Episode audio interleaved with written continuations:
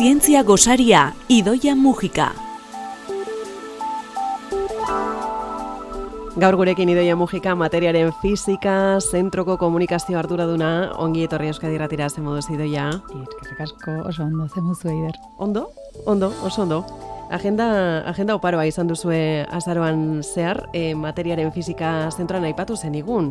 Itzaldi sortatxo bate izango zenutela bertan, eta hain zuzen ere joan zen ostiralean bertan e, amaitu zenuten zer dakigu honetaz edo alakoaz, e, itzaldi ziklori, nola joan da? Oso ondo, hemendikan eskerrak izlari guztiei, baina bereziki ba, urbildu diran jende guztiari, ez? E, egia esateko urtero egin dugu, eta beti esate izu eta zaroa, zientziaroa izaten dela, urtengoa horrela izan da, mm. Eta aurten ere jende hurbildu zaigu eta uste dugu itzaldi polita gelitu dirala. Gaina aukerarik ez badezue izan, itzaldietara etortzeko ez kezkatu, ze YouTube gure kanalean, CFMko kanalean eukitu.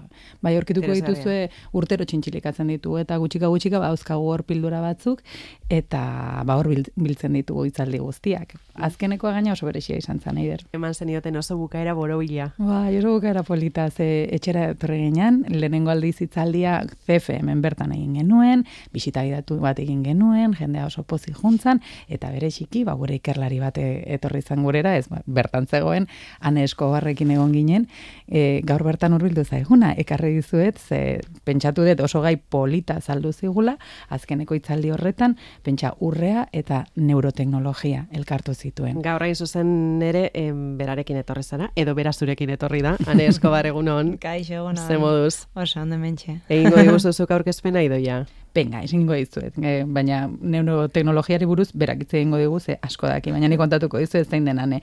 Eskobar doktorea da kimika aplikatuan, lizentziaduna ingeniaritza biomedikoan eta masterra bioteknologian. E, ezurra eta nervio periferiko bisortzeko biomaterialen garapenean lan egin du hortxe gelitzen da. Eta gaur egun doktoratu ondoko ikerketa lanetan dabil CFM Gipuzkoa felo batekin. Duela zenbat etorri zeran ez ez Ba, nintzen martxoan eta ekainetik handakat Gipuzkoa feloa. Bai. Hori da. Eta oso ondo oso gustora gaude berarekin. Ni ere. Eh, ikerketa berri bat ireki digu guri eta gu, gu ezke asko, bueno, jakingo duzu materialen fisika zentroan ba gehien bat materialak, propietakteak askotan era teorikoan, beste batzutan ba oso nano eskalan, baina ez asko sartzen bioteknologietan eta gutxiago neuroteknologietan eta anerekin ba horrera salto egin mm. izan. Eh? Kontatuko diguzu, e, zehatzagoan, eh? E, zerren ingurukoa den proiektua? Bai, ba, ni hasi nintzen hemen lanean proiektu batekin, nano neuro, e, izena dauka, hasi ziren kolaborazio batzuk sortzen, ez, e, kimikari, fizikari eta biologo batzuen artean, e, neuro, neurozientzialari batzuen artean. E. Eta bueno, hasi ziren, ba, izketan aber nola altzen posible e, garunan sartzea eta garunan aldaketak egitea, nanoteknologia, nanoteknologia erabiltzen. Eta bueno, elkarrizketa horien ondorioz ba sortu zen proiektu hau, ez? Eta bueno, CFM-en lan egiten dugu e, urrezko nanopartikulekin, tamaina oso, oso, oso txikikoak, ez? E, eskala nanometrikoa. Eta bueno, egiten duguna da nanopartikula horiei forma ezberdinak eman esango genuke. Badaukate propietate oso interesgarria dela ba, laser batekin ematerakoan, laser ba, baten azpian jartzerakoan, hmm. ez? E, temperatura e, aldaketa bat sortzen da. Orduan, bueno, hau izango litzateke gu erabiliko dugun, dugun propietatea neuronekin garunean e, lan egiteko. E, jakina delako e, neuronen inguruko temperatura pixka bat aldatzen baldin bada, grado batzuk aldatzen baldin badira, neuronak e, funtzionatzen hasten hasten direla. Orduan, bueno, hori da hola pixka bat gainetikan e, proiektua. Bai. Pentsa, era, ez dut esango simplea, baina oso zuzena da, kanpotik, zuk kitzikatu alizateko, ba, hor sartu dezun, garunean sartu dezun partikula bat, eta nahi dezun tokian, gainera, ez, ba, sortzeko aldaketa bat garun mailan. Eta kontrol, bueno, inoiz, azkenean, hain txikia egiten direnean gauzak ez, kontrol maila ere oso handia da. Zehatzagoa izan Hori beharko da, ez? hori da. Zehaztasun handia, handia auki beharko du. Hori da, gaur egun bade tek- teknika batzuk, ez? E, resonantzia magnetika eta olakoak aldela posible ikustea zer gertatzen den e, garunean, ezakit Alzheimer kasuan edo edo horrelako kasuetan, ez? Ze garuneko zeleku ez dabiltzan ondo ondo ondo funtzionatzen. Eta orduan, bueno, teknika teknika honekin em, ahalko genuena egin da, ba, nanopartikula hauek leku horretara bidaltzea adibidez, ez? eta em, gaizki funtzionatzen ari diren neuronak edo ez direnak funtzionatzen ari, ba, berriro ere martxan, martxan jartzea. Berpiztu. Hori da, eta zirkuito neuronalak e, hobeto edo, edo zuzen funtzionatzen jartzea. Bai. E, erreza da, gero, em, jarraipen hori egitea. E, bueno, e, momentuz, egin ditu e, e, CFM-en nanopartikula batzuk, badira esferikoak, eta badira baita ere bi piramide itxurakoak, direla bi piramide itxatxita esango, esango genukez. Eta bueno, horiek ja eginak ditugu, eta niari naiz e, kolaborazio batean oren hemen biodonostiarekin, Mhm. Orduan, bueno, biodonostian eh, ari naiz pixka bat in vitro entxeguak egiten e, neuronekin.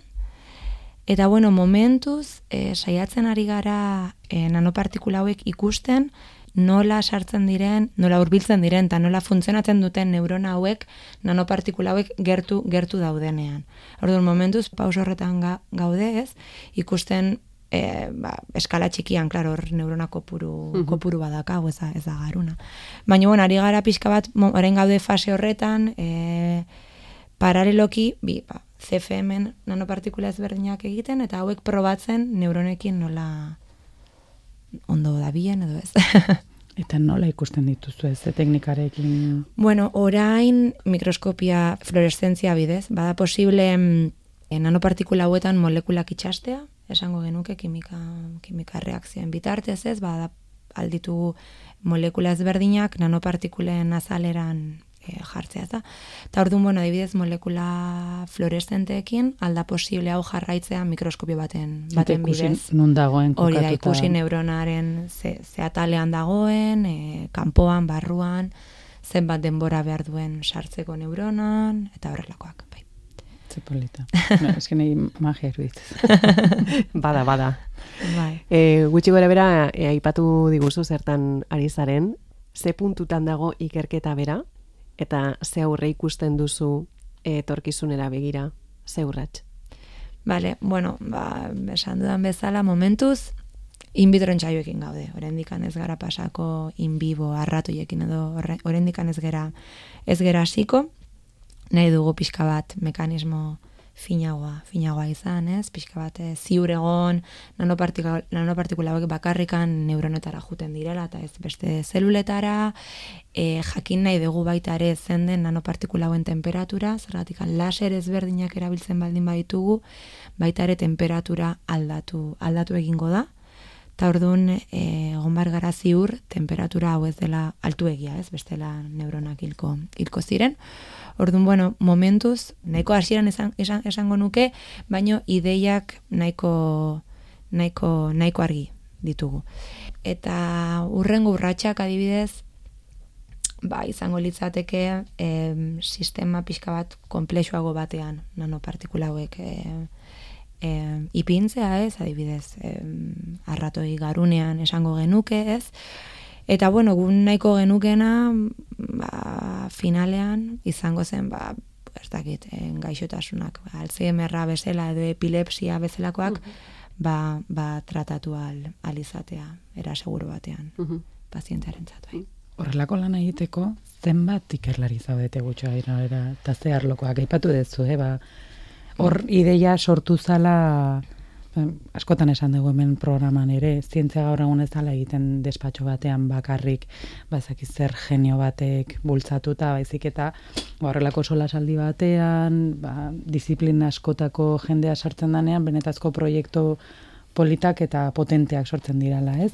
Zu zenbat gutxi gora bera zaudete orain lantaldean edo edo zenbat jendearekin kolaboratzen dezue. Ba, orain, pff, amar baino gehiago seguro, Bai. ba, gehiago, igual, ia, ia hogei pertsona igual. Ia gai pertsona. Bai, bi, e, Bilbon, badaude, badago atxukarro, sartuta biofisika, hemen dago Teknalia, e, Biodonostia, DIPC, Guz FM, gero kolaboratzen dugu Kolumbiako Unibertsitatearekin, Rafael Justerekin dela neurozientzialari bat oso, oso potentea ez. Eta, eta ni uste dut, denak. Aipatu dituzu. Uste baietz. Dinor kanpan utzena. Atakalarrian jarri duzu, eh? Beti hor norbait astutzen zaigulako. baina ideia da bai, zen nik ikusten ditut zuen bezalako publikazioetan gero zenbat jenderen lana dago, bai. zenbat teknikari berrituzun, batutan segun zen saioak egiteko, ba hemen bidonostean ez, ez leku batzuetara jo beharko dezun, bai. gauza komplikatuala jendea ere batzen jungo da, eta eta internazionala ere da la proiektua, azken bai. finean, gure mugatik kanpo joten da izan behar bezala. Bai, bai. Eta asko kolaboratzen dugu hemen gure gure artean oso konexioa dago eta zentro bakoitza super super ezberdina da. Txukarro in bibo.